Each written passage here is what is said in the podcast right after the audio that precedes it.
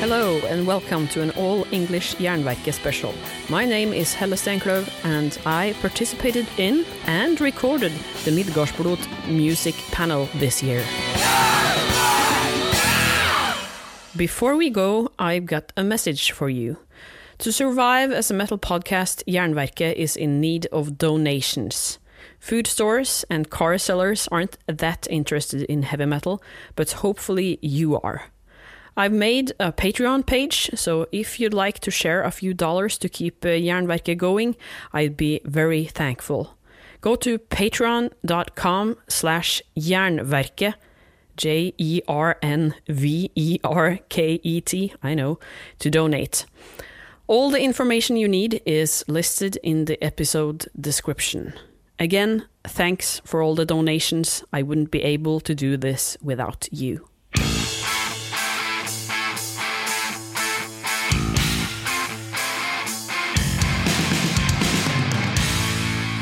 Okay, so the sound quality of this recording didn't turn out that good. I'm sorry for that. I've done what I could to save it though, and hopefully it's an interesting discussion to listen to despite the sucky sound. and for um, Midgardsblot for hosting us all. Um, so yeah, this is a talk about the past, present, and future of metal, which is kind of like everything. So yeah, a broad subject. So uh, so I'm going to just start get a bit of bearings to introduce everyone. Uh, so my name is Jonathan Selzer. Uh, uh, uh, I'm the views editor of in the UK. Before that, I was the editor of Terrorizer in the UK. I've been doing this for um, yeah, quite a long time, and um, grinding coffee. I don't know. Do uh, the rest of the panel introduce themselves, uh, starting with you, Stan. Okay, so I'll start. My name is Suzanne. I work in um, this huge radio station, actually, Radio Rock. It's commercial radio, and this festival was totally denied from my boss. He said it was too narrow and too weird. I was totally provoked, and I said, This is just an extension of what we play, which is basically Iron Maiden, Metallica, and Black Sabbath. Before that, I used to work at Elm Street, legendary metal pub here in no here not here in Oslo, uh, but I started after the Satanic era. Hi, I'm Michael, and I work at the label Season of Mist for, well, since it was created. Hi, I'm uh, Helle Stenklöv. Uh, I've been a metal and hard rock journalist for 15, 16 years. In the last seven, I've done a show called Jernverket.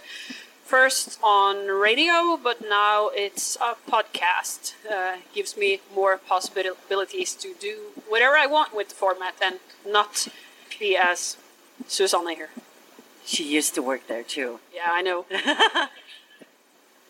Hi, I'm uh, Ivar Björnsson. Uh, my day job is enslaved. And I also play project uh, Emma Stanley, play there Thursday. Um, I run a label called By Norse Music, which releases, among other things, Wardruna. Uh, and I work with a management company called ISA. We manage some Norwegian and Swedish artists like Aura Brot, Karin Park, and some others. Um, yeah, and uh, I really like to be at Midgard. Hi, my name is Dayal Patterson. Uh, I've been writing about metal since the early 2000s in fanzines and magazines like Metal Hammer and uh, Decibel and Terrorizer. And about five years ago, I wrote a book called uh, Black Metal Evolution of the Cult. And the same year, I founded a publishing house called Cult Never Dies, which is uh, pretty much the only um, publishing house dedicated to books and fanzines about metal and metal subculture. So yeah, so um, I think we're going to talk about metal as a continuity and break that down. But um, yeah, Midgardsblot is a perfect place to think, you know, for of metal as a continuity. You know, I think that means that one of the one of the strengths about heavy metal is that everyone has a strong sense of the past. You know, all you know, a lot of the great bands they refer back to the, the history, they draw from it, and that's what's kept it a um, a very a dynamic genre for the past 40 years. And so, you know, there's been some bumps along the way and a lot, lot of uh, reactions and counter reactions. But I was wondering if you feel that with the new generation of bands, that whether that's changing a lot, whether bands coming along who aren't so much interested in the original past and the history, and they're just, um, you know, whether it's kind of metalcore or just bringing in new genres into it. And are we seeing a kind of a change in the nature of heavy metal? Um, I'm going to start with Michael because you've um, been running a label, so you probably on the see this on the ground a lot more. Yeah, well, first, it's a tricky question. First, I'm going to say that metal is very conservative. People want to listen to the same thing that they've listened to 20 years ago. And the demographic of heavy metal, like when you see the festivals like that, is getting older. On the other hand, there's been a new generation coming up. Uh, we see this in the numbers. Like there's now, when you go to festivals, there's, there's been a renewal. You have some 25 year old girl that's gonna they're not to worship Emperor, but they're to worship Mgła or Bethane. They are following the path, but they don't have the same reference or cornerstones. But it's definitely a genre where there's a renewal, and that's why this dichotomy, this paradox, is why you have a very strong physical aspect in heavy metal, where you have an older generation that's so attached to the options, and you have a new generation that will never buy a vinyl, but is streaming. It's just, it's just a continuity. There's been a renewal. We definitely. We see that in our mail order. We, I can draw statistics. And I look at somebody who's having his like his 18th birthday and buying Darker on the place in the sky. For her or him, it's not going to be as important as it was to me when it was released and it was like groundbreaking. But they still study their history after they go through the gateway bands. Yeah. I mean, Suzanne, you, um, I mean, you've been working with uh, a radio station, I believe it was called the Metallica yeah, station? Yeah, and that's uh, quite uh, suitable. I think I wore this today. No Lives Matter. I saw Gary Holt of Slayer wearing this at Tons of Rock, and I went straight to eBay and ordered to me and my best friend.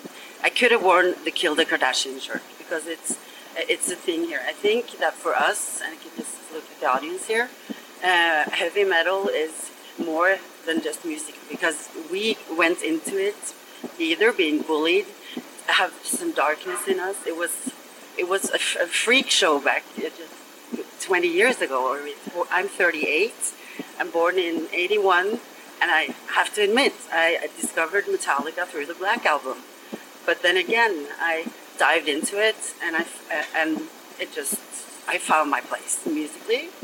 But now it's different because they don't have that basic. Um, uh, darkness. I think it was. It's not for. It's not narrowed down to people with the urge, and um, they they don't need to be um, out of this bully situation. I think metal for very uh, many of us comes from being bullied or having some issues in our teens, and we just flocked together in this place where we found uh, similar people and darkness in the music that we can identify. Well, I think this is an important point in that the way we discover music um, affects a lot the way we relate to it. Um, you know, back in the day, we had the, the tape trading. You had to, um, you know, you had to really try hard, and you, had, and you also you had the anticipation. And then this scene is very hard to get into the small environments. You know, it's it, uh, we have been very uh, excluderende. Like we have, uh, it's it's not just to show up at this uh, Mayhem concert in in the 90s, 90s and uh, and and be uh, loud mouthed or.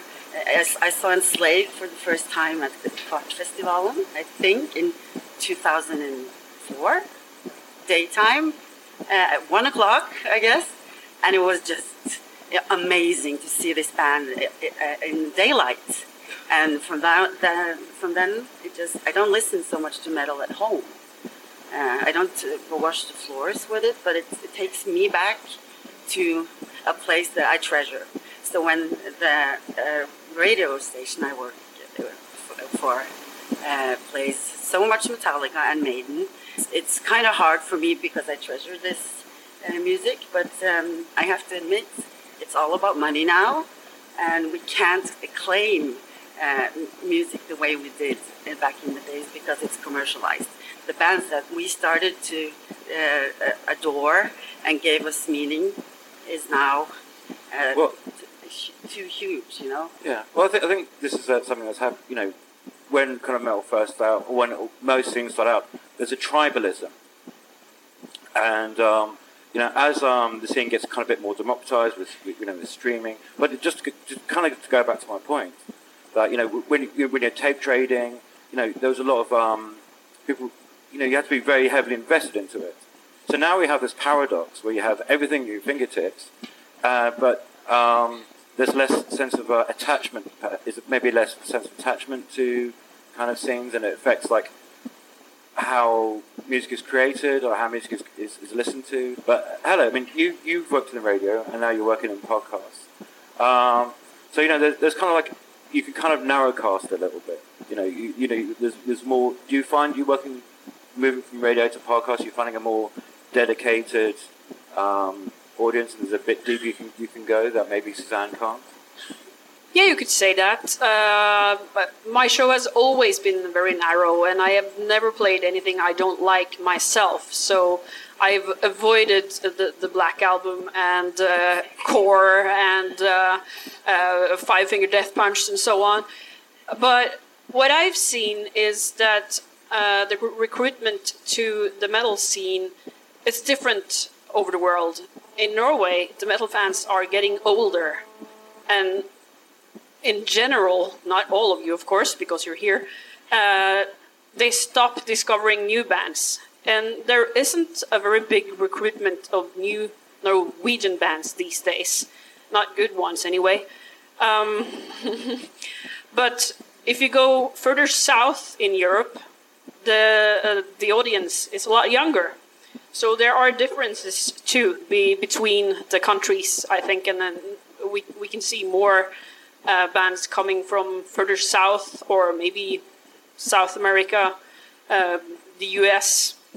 So, yeah, I don't know what to say. I, I think the, the, the underground is somewhat decreasing in Norway, but maybe growing in other countries. Yes. Yeah, I think I have the same observation. That Norway is a little bit uh, standing a little bit still, but there are new and interesting bands coming, but they are they seem to be a little bit more left field. But it's very sorry, experimental. I don't mean.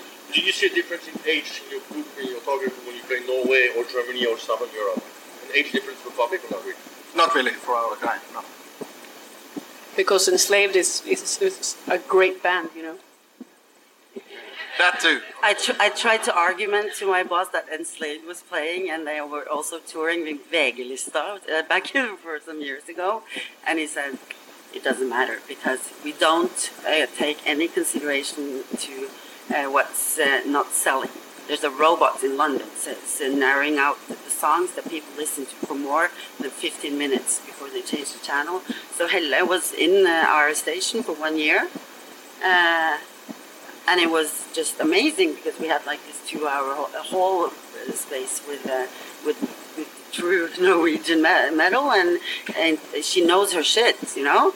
But it does uh, not just Norwegian metal. I know, I know she's the best in Norway, I think. But it was not good enough for commercial radios. This is uh, the metal scene is for. Uh, the, the the youngsters that doesn't doesn't need to have this um, heart for their music. I think they can also dig uh, Britney Spears. well, I mean, Dayal. Yeah. Who doesn't? I mean, Dayal, you, you've been kind of heavily involved in the underground scene uh, for quite a while, you know, for, for, since 2000. And you're also working, putting on gigs, in the, very underground gigs in the UK. Um, how do you feel um, the scene's bringing in you, into the into the underground and kind of bypassing the gateway bands and going straight into? So it seems a, the the underground seems a very vibrant scene. There's been a revival of kind of occult death metal, and you know, uh, black metal's still a powerful thing on the you know on the very much more underground side of things. So. Do you see people coming, new people coming into that scene? Is it just an aging? No, I think it's, it's absolutely. Um, there is a new generation of uh, fans who have come to the scene, And uh, I think, for example, the Mayhem shows where they were playing De Mysteriis, that could have been purely a um, nostalgia trip of people in their 30s and 40s, but there were a lot of kids there, teenagers, early 20s, uh, fans. So I think one of the strengths of black metal and death metal and you know underground metal in general is that unlike, for example, hip hop, there is a real respect for um, what came before and a kind of understanding that uh, you can't just jump in and uh, kind of forget about the people that paved the way. So even though you might get into black metal by Mgła or Batushka or um, or something like this, if you're in your 20s, there is a sort of understanding that you then have to go back and listen to Darkthrone, and, you know, and, and which is, you know, from our point of view, is good because our books exist to kind of give that context. And I think one issue with the internet is although it makes it much easier for people to discover metal, discover very extreme metal, and, and most obscure recordings, you do kind of lose that context. Whereas before you would be given music by somebody you knew perhaps, and you, or you'd read a magazine and get a cover of this, and there was some more context to where the culture and the band uh, in question would come from. Now you kind of lose the context because you discover one band, you don't realise that they're maybe a carbon copy of another better band. Um, and so I think that, that that's the only thing uh, negative I see. But, but in terms of increasing the fan base, at least in the UK, there's much, the shows are much bigger than they used to be. The front of the gigs. Yeah, I So mean, I, I think that's positive. Yeah, I mean the power of metal is that it stands for something, um, and more like like you said, more than music. I mean, uh, Metal Hammer when you had the censors, uh, like a few the one before that, where they managed to get Jedi announced as a religion, and um, got we got the numbers, and so we tried to get heavy metal as religion, get people to um, put down heavy metal as a religion on the census. But the underlying principle of that is that heavy metal is a value system as much as music. And I'm kind of wondering with the new generation of bands, are we losing, starting to lose the aspects of it? People, I mean, it, do you feel like can you play metal riffs and not be a metal band? Can you not be? Can you not uh, play exactly riffs? And stuff? Look at all of it. You know, they still get the old, old school crowd and they understand it. But why, like, would they be considered still within the metal realm, where people would um, maybe think, "Bullet for my Valentine"? They wouldn't consider them a metal band in any meaningful sense. Ivar. Yeah, I come from a background where uh, I was, you know, like black metal back then was about the content, you know, the ideology and why people were doing the band. So um, I remember somebody mentioned that Sammy Davis Jr. was a member of Church of Satan. So that's pretty metal, we thought. More metal than a lot of, of metal.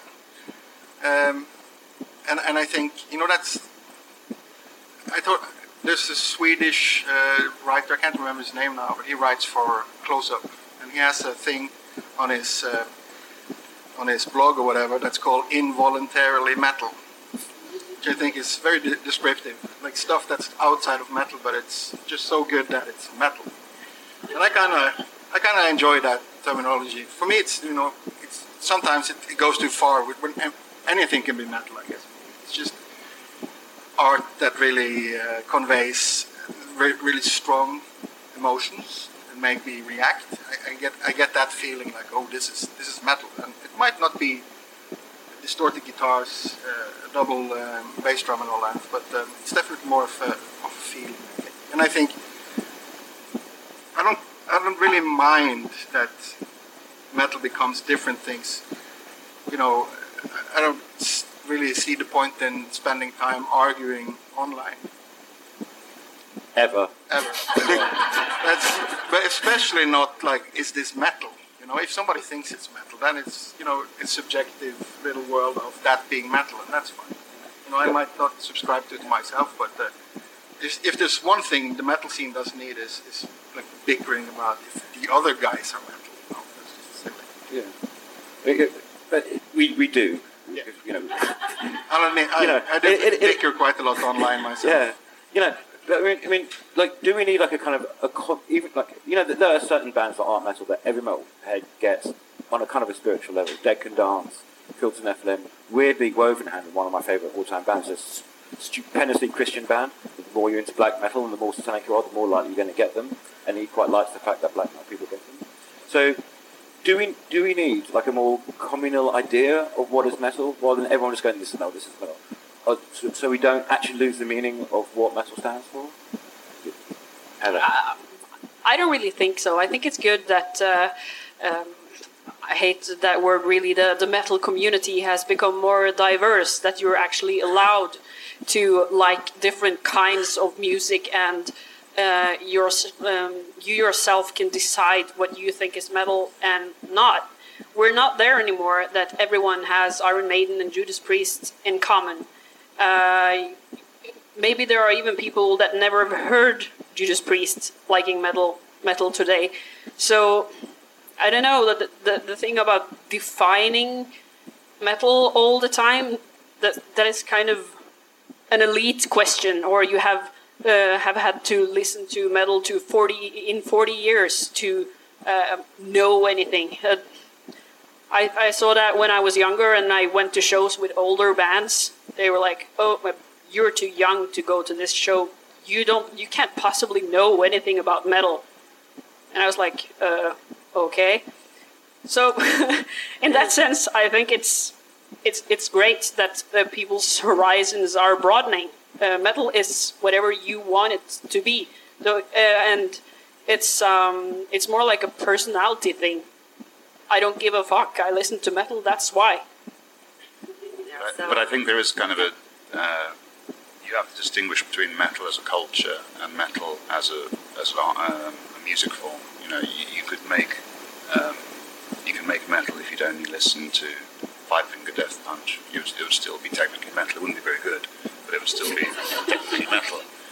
But I think one thing which is slightly problematic uh, from the perspective of someone who is from uh, an underground metal background is that there's a certain co-option uh, taking place.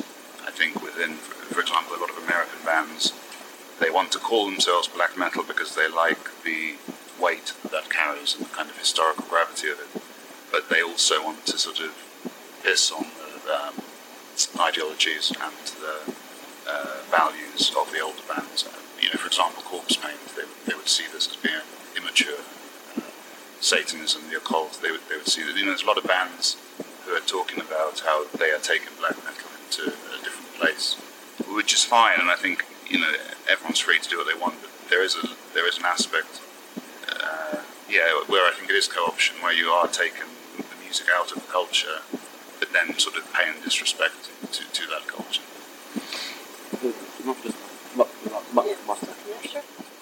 Because yeah, because you're probably more at the forefront of this. Because um, you know, Season of Mist, they've always had like a lot of, great old school bands, but your roster has been also kind of very progressive. You have bands like Fosca who've kind of gone beyond what would be a traditional metal framework, Solstafir as well.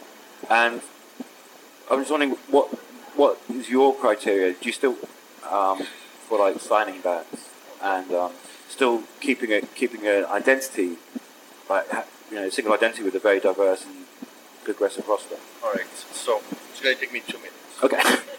First, um, it's two factors. Uh, you were talking about metal as a value. Yes.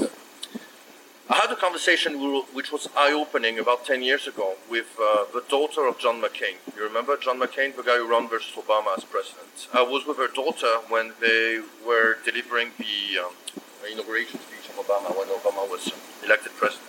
And I was with Century Media, but the, director of Century Media who passed away a few years back. And he explained me, and I never really fully realized until then, that metal was a lifestyle, and that he was going to adapt his signings to the result of the American election. If Obama was going to get elected, he was going to fail, and he was going to sign a lot of golf band because people are going to be desperate. If John McCain was elected, he would have signed a lot of punk band because people would be socially angry. And what happened and is what's actually true. There's been a lot of resurgence of cold wave band into metal a few years after Obama was elected. So that was eye-opening for me. It was like also war, crisis, metal was never affected because it's the last thing people will spend money. It's the first thing people will spend money on to say they don't agree with what's happening. So the lifestyle element, that conversation was really eye-opening for me about how important it was in people's life. we were selling a lifestyle. First. Second part is uh, why do we have a progressive side and a traditional side, I would say. I consider metal to be my favorite genre of music where I have the band that I like the most and also the band that I hate the most. The most cheesy and disgraceful music also comes from metal. Howl, Sabaton, you name them. Um, You just yeah, it, it is also well. That's happening in Germany more or less, and uh, and Germany's like a black hole the 80s can't escape. yeah, yeah. And what I've been trying to do, I would not never consider my. But like you take that first conversation about how the, the social part of metal, like how the environment affects what what the new bands are putting, what they're creating, and what I'm trying to do as well is to try to steer metal into a little bit of an arty direction. I try to keep the true bands and the traditional bands be the conservative, but I try also as well to be Sundance, not Hollywood. You know what I mean? To put the Art Deco. I mean, Nuclear Blast and Napalm are doing way better than me. They can work with Nightwish and uh, Slayer much better than I do. What I can do is try to be the relapse of this generation, or what some of the labels are doing, like Profound Lore, to be on the forehead of the most difficult um, metal to enter into because it's an acquired taste. So that would be my two points. Yeah, well, uh, since you were talking about war and uh, American conflicts, I think they used uh, really hard uh, Norwegian and also other uh, pieces of metal bands to torture their uh, at uh, Guantanamo Bay, Which is it's ironic. like Chinese Chinese water torture or, or metal for days and days and days, so people go fucking nuts. And then I think there's the issue for me, especially that I wanted to, to take up here because I was uh, I grew up in a Jewish family. I'm atheist, but this is Satan, uh, northern mythology, uh, it's it's been a scary turf because we also now have terrorists that use our uh, Norwegian culture and heritage as an argument for being uh, the, the country we used to be or whatever. So there's there's uh, some uh, negative uh, uh, aspects of this scene still that really needs to be worked with. But then again, we're talking about how uh, we have to let it go. That uh, the, the metal scene and the harsh metal, like that die side, I've never even seen them or barely heard about them. But I had a really shitty day yesterday. My boyfriend broke the chair and everything. It was hell. And I saw them, and we and we we had a great laugh because every time he screamed, I was just filled with like, "Ah, I needed this, and I had a great evening at least. My son is 10 years old, and he's been with his father for uh, four weeks this summer, listening to my station because he misses me. He comes back as a fan of these two bands, Volbeat and Dio. So I'm like, okay, so it's a start. And I understand it because Volbeat is easy. It's rock with pop uh, built uh, songs, I think. And, and Dio, the legend, uh, he, he doesn't know, but I think it's a good start. And then I would rather see him uh, do this than reggae, you know? And um, I don't think we are too old to understand this shit because I, uh, I'm going to do this uh, very fast. James Hetfield in Trondheim a couple of weeks ago. He had a, uh, he's a he's a grandfather now, and uh, and he and I was of course waiting for Kill 'Em All and Master of Puppets. But then he asked the audience of forty thousand people, uh, how many of you have seen Metallica before? And it was like, uh, how many of you have seen Metallica? Are here for the first time? And it was part, I think, thirty thousand people. The first time they saw Metallica, maybe it was my eighth, I think.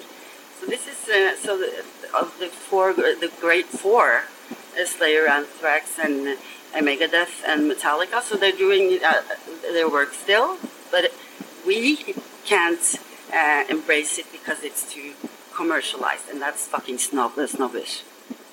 And that's all these reasons together are, uh, is why I don't think we should uh, have certain borders in metal because it's individual and you have to start somewhere to become a, a metalhead.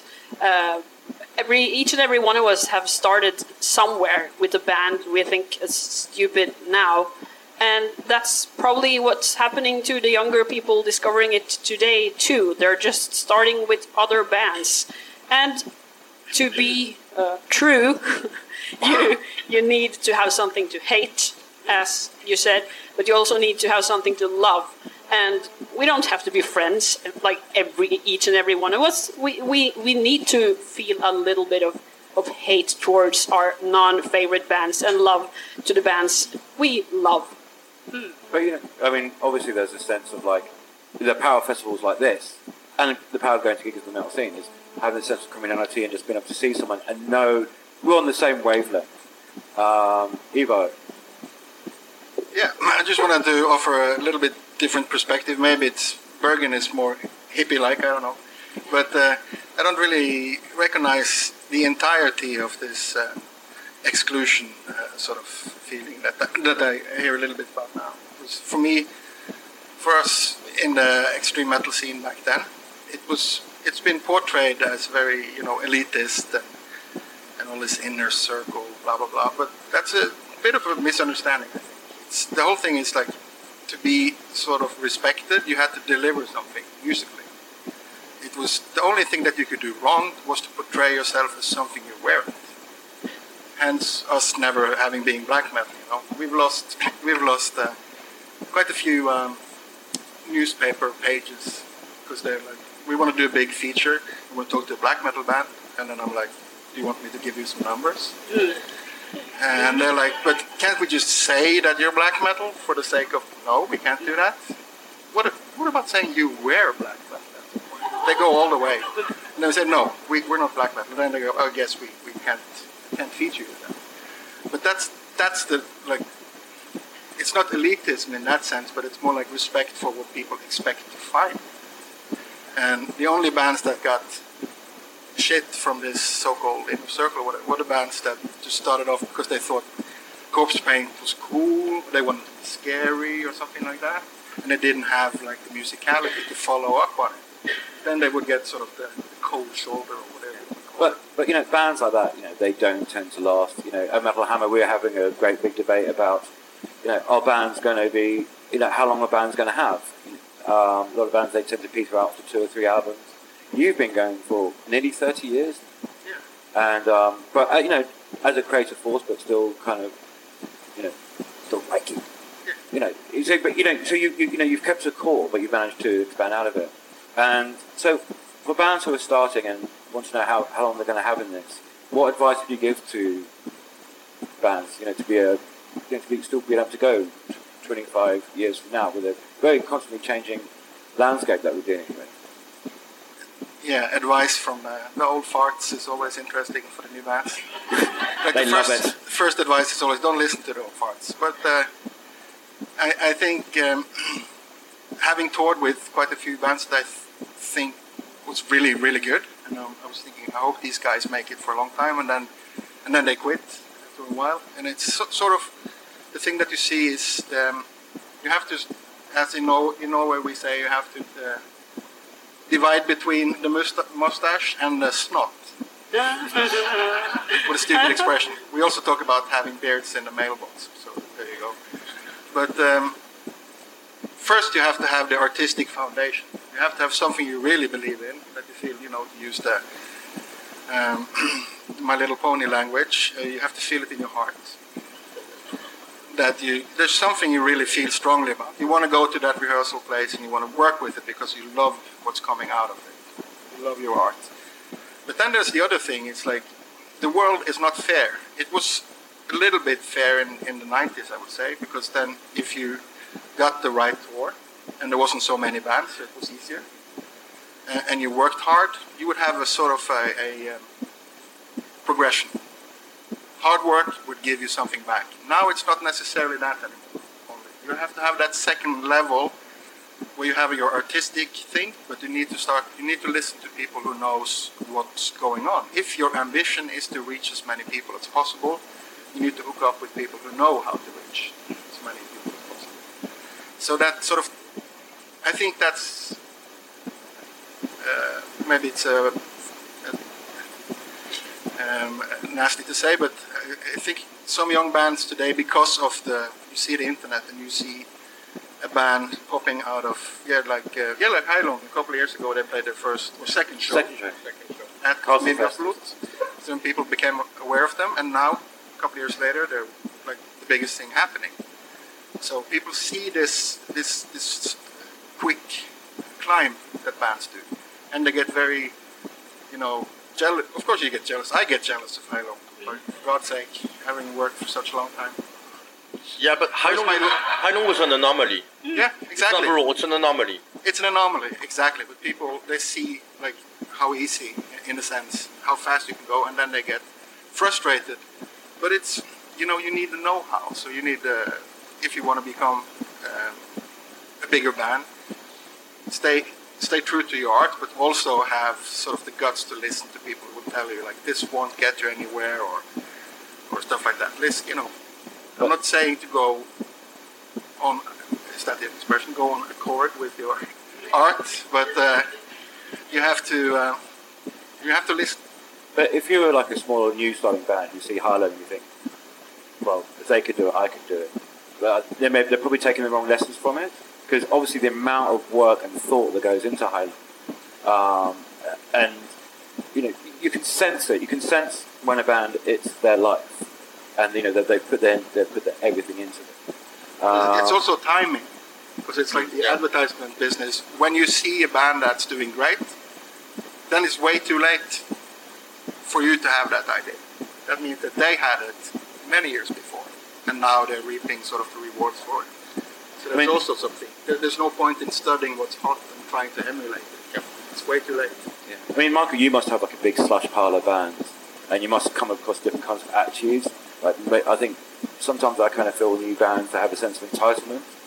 Um, and do you do you see that um, in bands, kind of wanting to kind of be big too quick and thinking that they've they've earned the right? Well, it happens all the time, but yeah, it's completely unfair.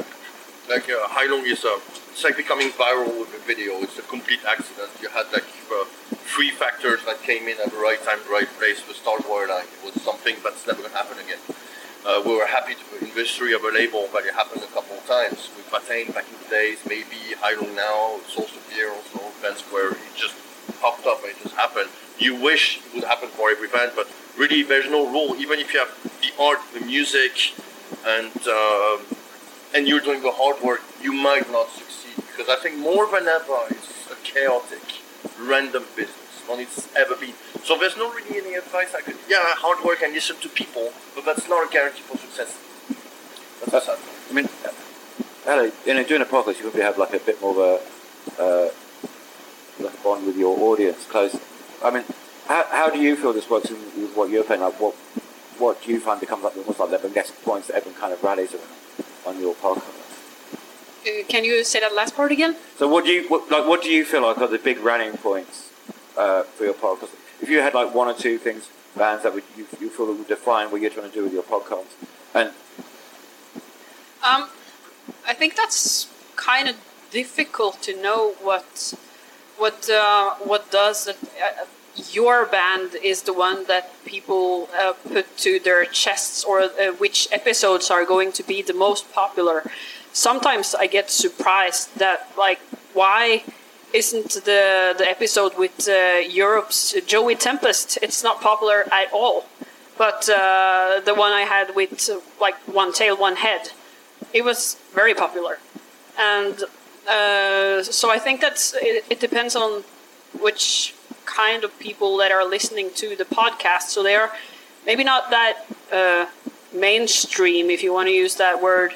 So I don't know if you can use my podcast to see who's going to be popular and not because I, as I said, I'm so, I sometimes get surprised by which episodes that are popular and and not not like the big ones I thought would be, but maybe the smaller, weirder ones or the ones that rarely give interviews.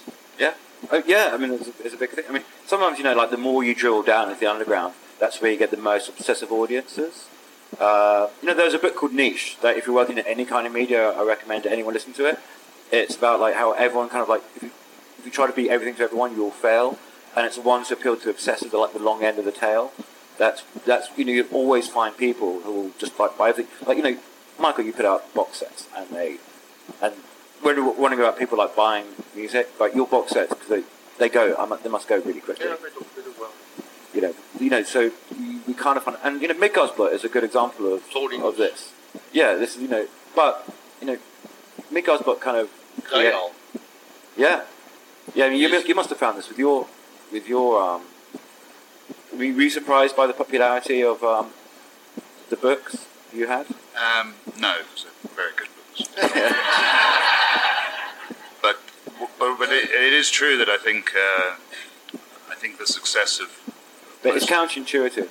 Like if you took Yeah. went to a publisher and go right, I'm going to give you a biography of um, Moonspell or Rotting Christ, they'd be like, "Huh?" But I think actually that's easier to target people, and you, you easier to find who's interested. I think, in a way, the in the same way that people buy box sets and vinyls, you know, for albums they really like. Think people are now more willing to buy, say, a book, rather because you don't have to buy, let's say, a weekly magazine to find out the listed. So that you kind of, it's, it, you, you sort of invest a little bit more in things that will last. And um, I think it's much easier to be. I mean, go, to go back to black metal, you know, some of those codes, uh, the aesthetics and the, uh, the lyrics and the way they kind of traditionally uh, project themselves. Part of that is kind of sort of marketing. You know, it's much easier to be a death metal band or a black metal band than be somewhere in between and not, you know, not have a clear demographic because it is quite tribal. I think the metal audience. Um, so yeah, I think it does help to have a niche in metal, but I don't think you should be limited to that. You I think as long as it's, it's okay to be to work within a niche, but not not to the point where you feel limited. I think as soon as you're an artist and you feel you can't try something because it's you know not metal and not. Uh, I think there's a bit of fear sometimes of kind of leaving metal. Or I don't think um, that you, know, you don't have to listen to metal all the time. At all that you have to kind of be metal all the time. And actually, most of the black metal bands that were really important, um, they didn't necessarily take most of their inspirations from, from metal. So I think it's yeah, it's good, it's good not to be afraid to kind of yeah, Euronymous was a big um, krautrock rock fan. yeah, Tangerine Dream. Tangerine Dream, yeah. That was, uh, was, was, that, was that the record on his record turntable winning? It was Klaus Schulze, I think. I have the record actually. Yeah, was it Klaus Schulze? Uh, no, it's the third album by uh, Tangerine Dream. Yeah. So I, wa- I actually want to talk about this because you know the Lords of Chaos movie came out recently. Um,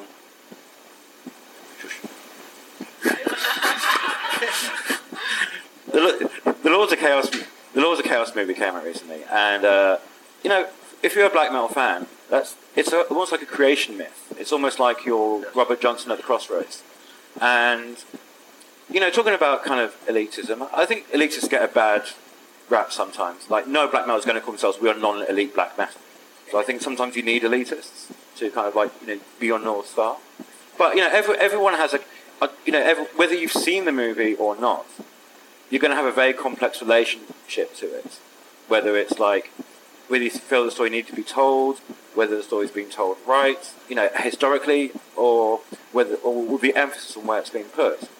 And I just wanted to go, kind of go down the panel and ask, like, whether you've seen it, why you haven't seen it, if you haven't, if you have, how you kind of felt about it. I'm going to start with um, because uh, there's like lots of cutaway scenes of Bergen, and it's a lot of Bergen in there, and Hallam, all of that. Yeah, I wish uh, John Goodman could have played me in it. That would have been awesome.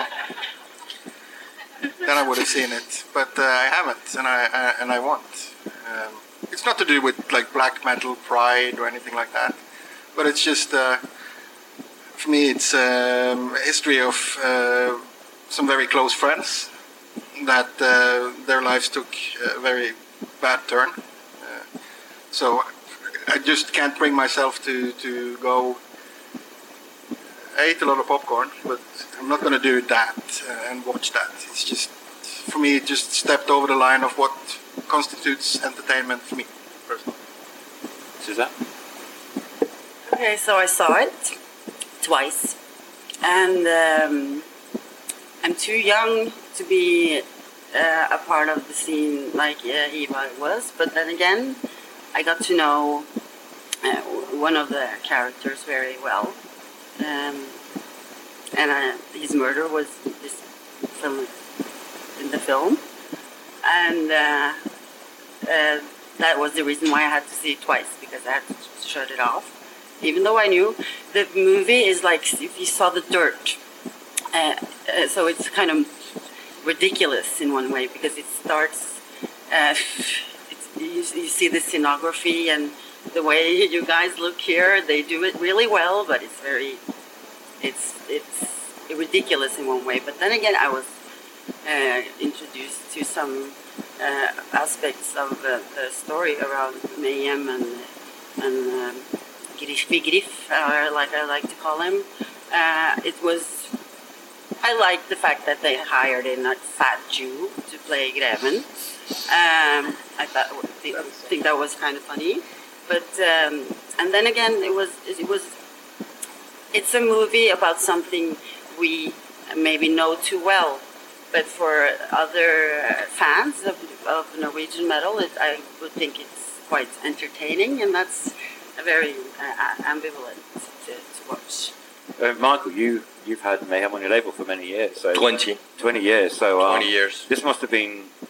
How was it for you watching? Well, uh, obviously, I've been working. Um, I've been working with Mayhem for 20 years. I don't really know if I have an opinion. I like the movie. I was not involved in the history back then. I know all the guys. Everybody told me which detail is right, which detail is wrong, but I don't really care. The only thing, uh, my taste doesn't really matter in this conversation. The only thing I can say is that we, when we talked with Sony, it was like, okay, there's this Mayhem movie coming up that's going to make it big. We're going to create campaigns, Spotify playlists around it, try to do our job. That movie has been preaching to the choir, so that means it didn't bring Mayhem a single new fan. The people who've seen that movie are the people who knew about Mayhem and they want to have an opinion about the movie. There's not really people who didn't know about the story, discover, discovered it with the movie and went to listen to Mayhem. That, there was no bump on Spotify weekly playlists or shit like that. It, it really didn't. I'm not saying this was for promotion for Mayhem. It, it established them to people who were already fans. It didn't bring any new people to the it, table. it wasn't really interested in music, was it? Like um, no, I, mean. I, I, have a little skin in the game because I wrote the sleeve notes for the um, for the, for the Blu-ray release. Yeah. Uh, it gave me a little opportunity to, to pontificate about black metal and all the paradoxes that go with it. I've got some issues with the movie, uh, but I made sure to say that like you need to take this further and you need to listen to De Mysteriis because that will put it all into perspective. Like as, you know, what came out of all of this is really important to us. Um, but you know, as a Norwegian, how, how did you? How did?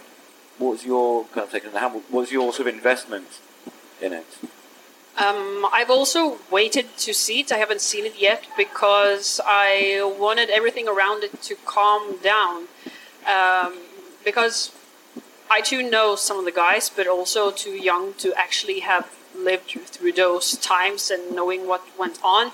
So I understand that people that actually were involved in it can feel somewhat, I don't know, hurt or not liking it being done. But at the same time, it's uh, not a documentary, it's a movie based on a story a lot of us know. So I want to watch it, but I'm not going to watch it as a documentary or a truth. I'm. Tr- it's weird enough that they're like talking English. um, uh, yeah, and wearing wigs. Um, so what surprised me, or it didn't surprise me actually, it showed um, how many people that had uh, an opinion about it that don't know any of the guys at all. It could be this random Greek guy just uh, throwing out. He would never say that. Øystein would never say that. He wouldn't have done that. And I was like, okay, you're 19 and you never met him. Why do you have an opinion about this? So it created um, a discussion, at least, and also showed all the people that th- think they know Mayhem or the guys just because they've listened to their music, and that's also kind of interesting aspect to um, to the movie to to see what people that didn't know them feel that they think they know. Yeah, if that gives I'm sense. Yeah. I'm I'm going to sort of ask if anyone in the audience has any questions. Um, you definitely have a question. Can you say that again, since this is going Yeah. to be So recorded? yeah, yeah. So why so why is metal so obsessed with the past? Um, we're at Midgard, but I'm just to point this out. So um, it's quite a rele- relevant question, I think. Um, Ivar, as the man who's been doing this for the longest time, you're, you, you know, as Father Time, I think it's it's uh, actually pretty closely connected with the whole concept of Midgårdsblot. That it gives a sense of belonging to a longer tradition, uh, to belonging to uh, to a scene. You know, like we all wrote ridiculous stuff when uh, Lemmy passed away because you have this close relationship. I think it's also wider than just metal. It's just metal are better that maybe to express it sometimes. But when you see that they're trying to sell um, uh, these CDs uh, now, the absolute 90s and stuff, I'm like, why would anybody want to remember the 90s? You have De Mysteriis, you can listen to that, forget about the rest of the 90s. Uh, but um, I think it's because as people, we like to go to have this remembrance, sort of like how you felt, how, how your life was when when Iron Maiden was uh, was big and all that stuff. Because uh, I guess that's how we're wired. That things were always better before, and I think that's uh, especially strong in, in the metal uh, metal thing. So I think it's a good balance to have this the, the traditionalists, and I'm a little bit. I'm kind of curious to see what the next uh, generation of AC/DCs and Motorheads and all that, what that's going to be like. Will there really- be a next generation of ACDs? Is that is that kind of big rallying point gone in a kind of a very atomized modern era?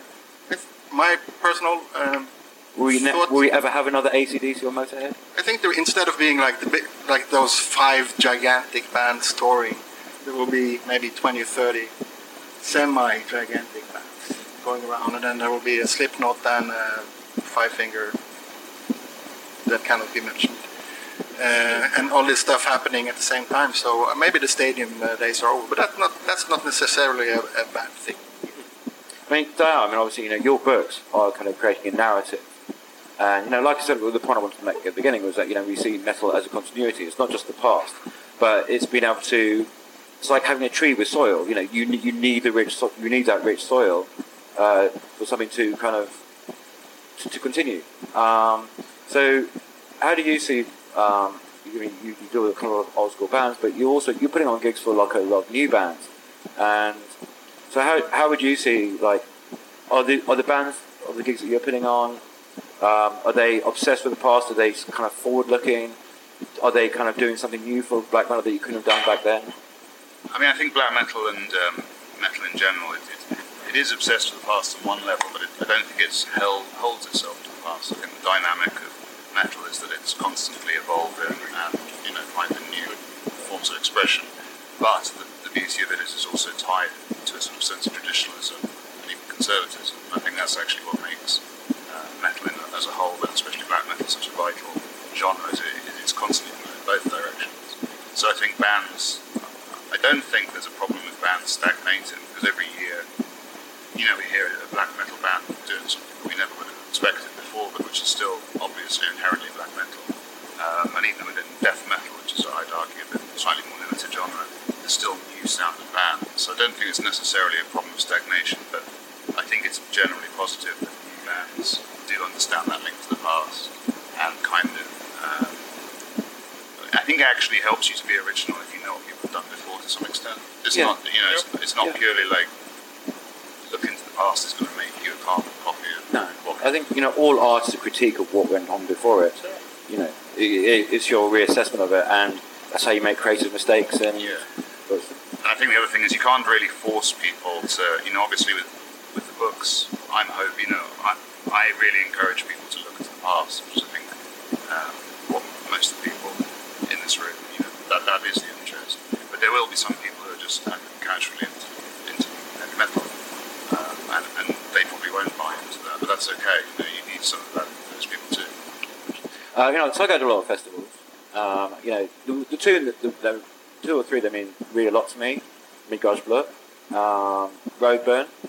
Um, you know, I used to go to Hole in the Sky that's now beyond the gates, um, and there's you know they're, they're festivals where they have a spirit that you know the minute you walk in walk into the physical arena, you feel it, and so it's something that becomes very much more than the sum of its parts. And when you're there, like you said, you, you just know you're here for the set for something very personal, but something very common at the same time. And you know, having a ritual is such a binding thing. I mean, you had, you know, you said you, you had a Jewish background. You know, I had a Jewish background. I, um, I love, I love ritual on a really basic level. That on a Friday night you do the Sabbath, and it's the one time when your family would all be together, um, rather than just you know sitting eating watching in front of the TV. So you know these things are scalable. They can, you know, they're important from a very basic level to, you know, a big, um, much more kind of broader spiritual level. You know, as above, so below. I- I- is Yes. it, sorry, is it possible to get a microphone to the people asking questions? Yeah. Yeah, because we're I- recording this. So, yeah. great. Yeah. Um, the lady in the green. So just to mirror what's, what was said earlier about the openness, not just the ceremony, but the overall thing. This one next to me here, we met the first time two years ago, sitting next to a bonfire. We drove across Norway last year together. We're going to do it again together, so, with also his partner. So the um, welcome home part is very important because this is how it feels for real. Uh, coming from France, my experience on metal festival is basically Hellfest, which is cool, but too many people, and not my family. Here, I feel like the first time I came here, I was like, okay, I can wear Viking gear, and everyone think it's normal, and I can't do that at home because I'm a teacher, and uh, also, and um, yeah, basically it's being being ourselves here. So thank you so much. Yeah, what he's what he's saying is that he bought his three-year festival band, special band that uh, only a nice. hundred uh, very devoted festival bands can use. Yeah. So, I mean, th- there is as- just want to say, there is a big debate about festivals, like where the ne- who the next headliners are going to be, and I'm sure, like you know, through work we go to like big festivals and boutique festivals such as this. Um, is it? Do you think that festivals such as this are going to have difficulties finding headliners in the future? I mean, well, we keep talking about like you know, with, with, with a big corporate festival like Download or, or probably Wacken, they don't care. They're just the same people. It's Germany. But with Wacken, you know, or with, with, with say Download in the UK or the big festivals, they're wondering where their big headliner's going to be. But when is that apocalypse going to actually hit? It's not. Yeah. It's not. There's a renewal, like the, the festivals that were dreading the when uh, like Judas Priest and all those bands says we're going to quit first. They didn't quit, of course they came back. But like there's actually too many headliners on the market for festivals next year. Oh wow. So they have actually too many options to choose. So that's not it's not happening anytime soon. And when it comes to festivals like that, like Heilung was nowhere two years ago. I don't think if there's a market, well, the, the gap will be filled. There will be bands. There's, the, the scene is creative enough. There will somebody, there will be somebody to fill the shoes. So I'm not worried about that. And those festivals with an identity, like Roadburn, we just brought the other case you mentioned, they're here to stay. Yeah. I'm not worried about them at all. I- they will just grow organically, Yeah. slowly. You know. I, I think I, I, I kind of want to make, make sort of one kind of. I think like you know we have to kind of come together to kind of create a creative environment.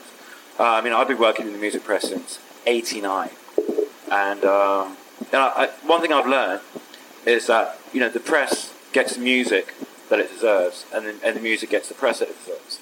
So if you lower the bar, you're going to get very average bands.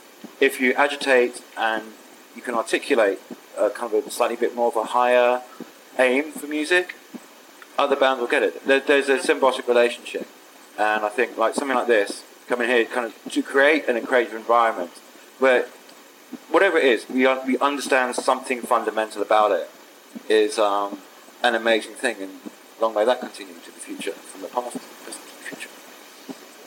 Yeah. Thank you so much, Jonathan.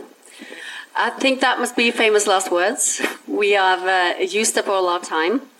But I would like to thank you as a panel. Uh, having you here is very special to Midgårdsblot. You're all people who works hard in the industry and that inspires us in this festival to create what we do for you, uh, our audience and our family. Um, also, like for me personally, I'm I'm like so so excited you are here, Jonathan, editor of Metal Hammer UK. for me, editor. I was I missed it last year and it pained me so much. I can't let that happen again. happy to have you here now. But I was going to say, I was um, this 12, 12 year old girl living in northern Norway, and no metal bands ever came there. And uh, well, the, yeah, if you were into metal, what should you do? I mean, I could get the monthly Metal Hammer UK from uh, the local kiosk. So that was the highlight of my month. And I also did some Probably- tape trading. Probably 96 kronos. Yeah. Uh, so yeah, I that taught me English uh, and music. So thank you for that. Um, also, we're having two of the Norway's uh, big radio shows here today with Susanne from Radio Rock and Helle from Jernverket. And as girls uh, and metalheads, they have played a big influence on what's going on in the music scene in Norway. And uh, Ivar, of course, being a big figure in both Enslaved and the later Skuggsjá and Hugsjá project, as well as his own electronica project, BardSpec. He's also a main figure, and, and like his historical interest and his uh, your close relationship with Midgårdsblot is a big asset to us. And um, Michael Berberian is um, very important as heading Seasons of Mist, and uh, together with as he- we, we agree that we like acquired tastes. When people ask, how can you listen to that? Do you even know what they're singing? then I'm first like, it's like blue cheese and red wine. You need to get used to it, and then you'll love it. And finally, Dayal, um, a really uh, important figure in bringing a voice to the history of metal and kind of educating people. This is why we have the music seminars here and the other seminars too, is because we believe that if you have a certain knowledge, you can understand things and people better. So thank you so much. I have a present for you all. Big hand to them all.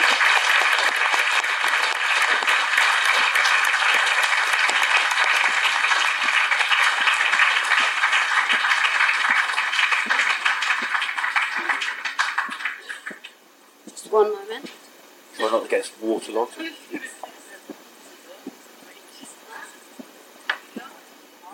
What they're getting is a bag with some goodies from the Midgard Viking Center and uh, Midgårdsblot. And also they're getting the Mimi Talks poster with their name on it. So now they can be rock stars too. You already are one, but uh, Yeah, let's do. but still. Yeah. Can I say, like, Eva is also was like central to the central to the uh, foundation of um, because Midgårdsblot is based around Eidsvollablut, Yes. which was uh, I don't know if anyone knows the history of this. Um, it was not to commemorate the um, 200th anniversary of the Constitution, but to have a little go at it. You know, and Skuggsjá was created, um, you know, in response to the 200th anniversary of the Constitution. Correct me if I'm wrong, because it, it kind of cemented Christianity, and it was held outside the uh, Wait. Oh my. divine intervention. And it was- Dayal, Dayal already got his present. I'm not being mean to him. yeah. But it was held. It was held outside the building where the Constitution was signed, uh, next to a next to a festival that was kind of celebrating it. We should have gone to war, but yeah. And Midgårdsblot came, you know, came out of that. So that first eight of the book was you premiering Skuggsjá, Wardruna, and statement, and Midgårdsblot was the uh, successor. So he's So the thank you, Ivar, and thank you everybody on the panel, and thank you to all of you who's been there so faithfully every morning, all throughout the days, listening to the seminars and contributed with wonderful questions. We have a day left down in the festival area. The weather forecast has said it should stop raining and the sun should come out. So let's cross our fingers for that happening. But I know we're going to have a good time anyway. So, thank you for your attention this year. I'll see you next year in the same place, same time. But for now, we need to um, do some headbanging. Yeah. That's pretty metal. That's pretty metal. You've heard a recording of the Midgårdsblot music panel of 2019. Next week, I'll play you a chat with Entombed AD, unfortunately in Swedish. Och det är väl kanske den enda punkten i universum som Norge faktiskt är li lite, lite, lite bättre än Sverige är på black metal-sidan. If you like what you've heard, I've done another all English special with Dimmu Borgir. There are also several interviews in English, like Girl School, Grev Miasma, Vulture, Ken Hensley, Malakorpatan, Faustkoven, Necros Christos, Svartidaudi, and more, all with better sound quality than this one. Subscribe to Jernverket in your podcast app or go to jernverket.com to listen. And if you feel extra kind, it's possible to donate through patreon.com slash jernverket. How? Just click the link at the bottom of the episode description. And remember to follow Jernverket on Facebook, Instagram, and Twitter. My name is Helle Steinklöv, and I'm presenting new and old heavy metal interviews every Friday. Thanks for listening.